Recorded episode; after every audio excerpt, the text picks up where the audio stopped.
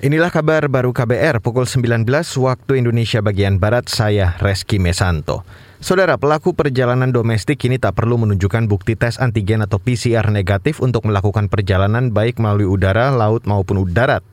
Mengutip antara news.com, Menteri Koordinator Bidang Kemaritiman dan Investasi Luhut Binsar Panjaitan mengatakan, keputusan itu berlaku bagi yang sudah divaksin dua dosis. Pernyataan itu disampaikan Wakil Ketua Komite Penanganan COVID-19 dan Pemulihan Ekonomi Nasional dalam konferensi pers hari ini. Luhut mengklaim kebijakan itu diputuskan pemerintah sebagai upaya transisi menuju aktivitas normal. Kata dia, detail isi dari kebijakan itu akan ditetapkan dalam surat edaran yang diterbitkan kementerian atau lembaga terkait. Beralih ke berita selanjutnya, Saudara. Kekerasan fisik terhadap perempuan menjadi salah satu penyebab perceraian di tanah air. Fakta itu diungkapkan Dirjen Badan Peradilan Agama Mahkamah Agung mengungkap Aco Nur dalam acara catatan tahunan Komnas Perempuan hari ini. Hal tersebut dilihat berdasarkan data pengaduan gugatan perceraian sepanjang 2021 yang dicatat Direktorat Jenderal Badan Peradilan Agama RI. Sejumlah 484.734 perkara, antara lain satu perselisihan terus-menerus sebanyak 279.548 Dua, ekonomi 113.440 perkara. Tiga, meninggalkan salah satu pihak 42.441 perkara.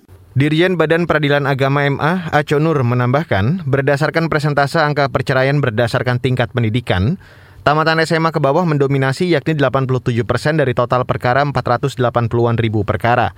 Ia mengklaim pemerintah terus berupaya memitigasi kekerasan terhadap perempuan untuk menekan angka perceraian, semisal meningkatkan taraf pendidikan dan perekonomian.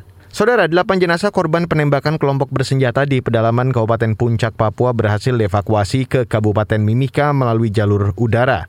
Juru bicara Mabes Polri, Gatot Repli Handoko mengatakan, langkah itu dilakukan guna mempercepat proses evakuasi di lapangan. Akses evakuasi dilakukan melalui distrik Sugapa di Kabupaten Intan Jaya dan dilanjutkan menuju Kabupaten Mimika dengan menggunakan empat helikopter. Tujuannya untuk mempercepat jalur pemberangkatan maupun dan kembalinya. Proses evakuasi melibatkan 9 personil Satgas Damai Karten dan gabungan personil TNI yang tadi kami sampaikan menggunakan empat helikopter. Gatot menambahkan seluruh jenazah telah berada di RSUD Mimika guna kepentingan identifikasi dan visum. Pekan lalu, kelompok bersenjata menembak mati 8 orang di lokasi pembangunan menara pemancar di Kampung Kago, Beuga, Kabupaten Puncak. Mereka terdiri dari empat karyawan kontraktor antara lain bernama Ibu, tiga karyawan PT Palapa Timur Telematika, dan seorang warga pemandu bernama Baby Tabuni. Dan saudara, Demikian kabar baru, saya Reski Mesanto.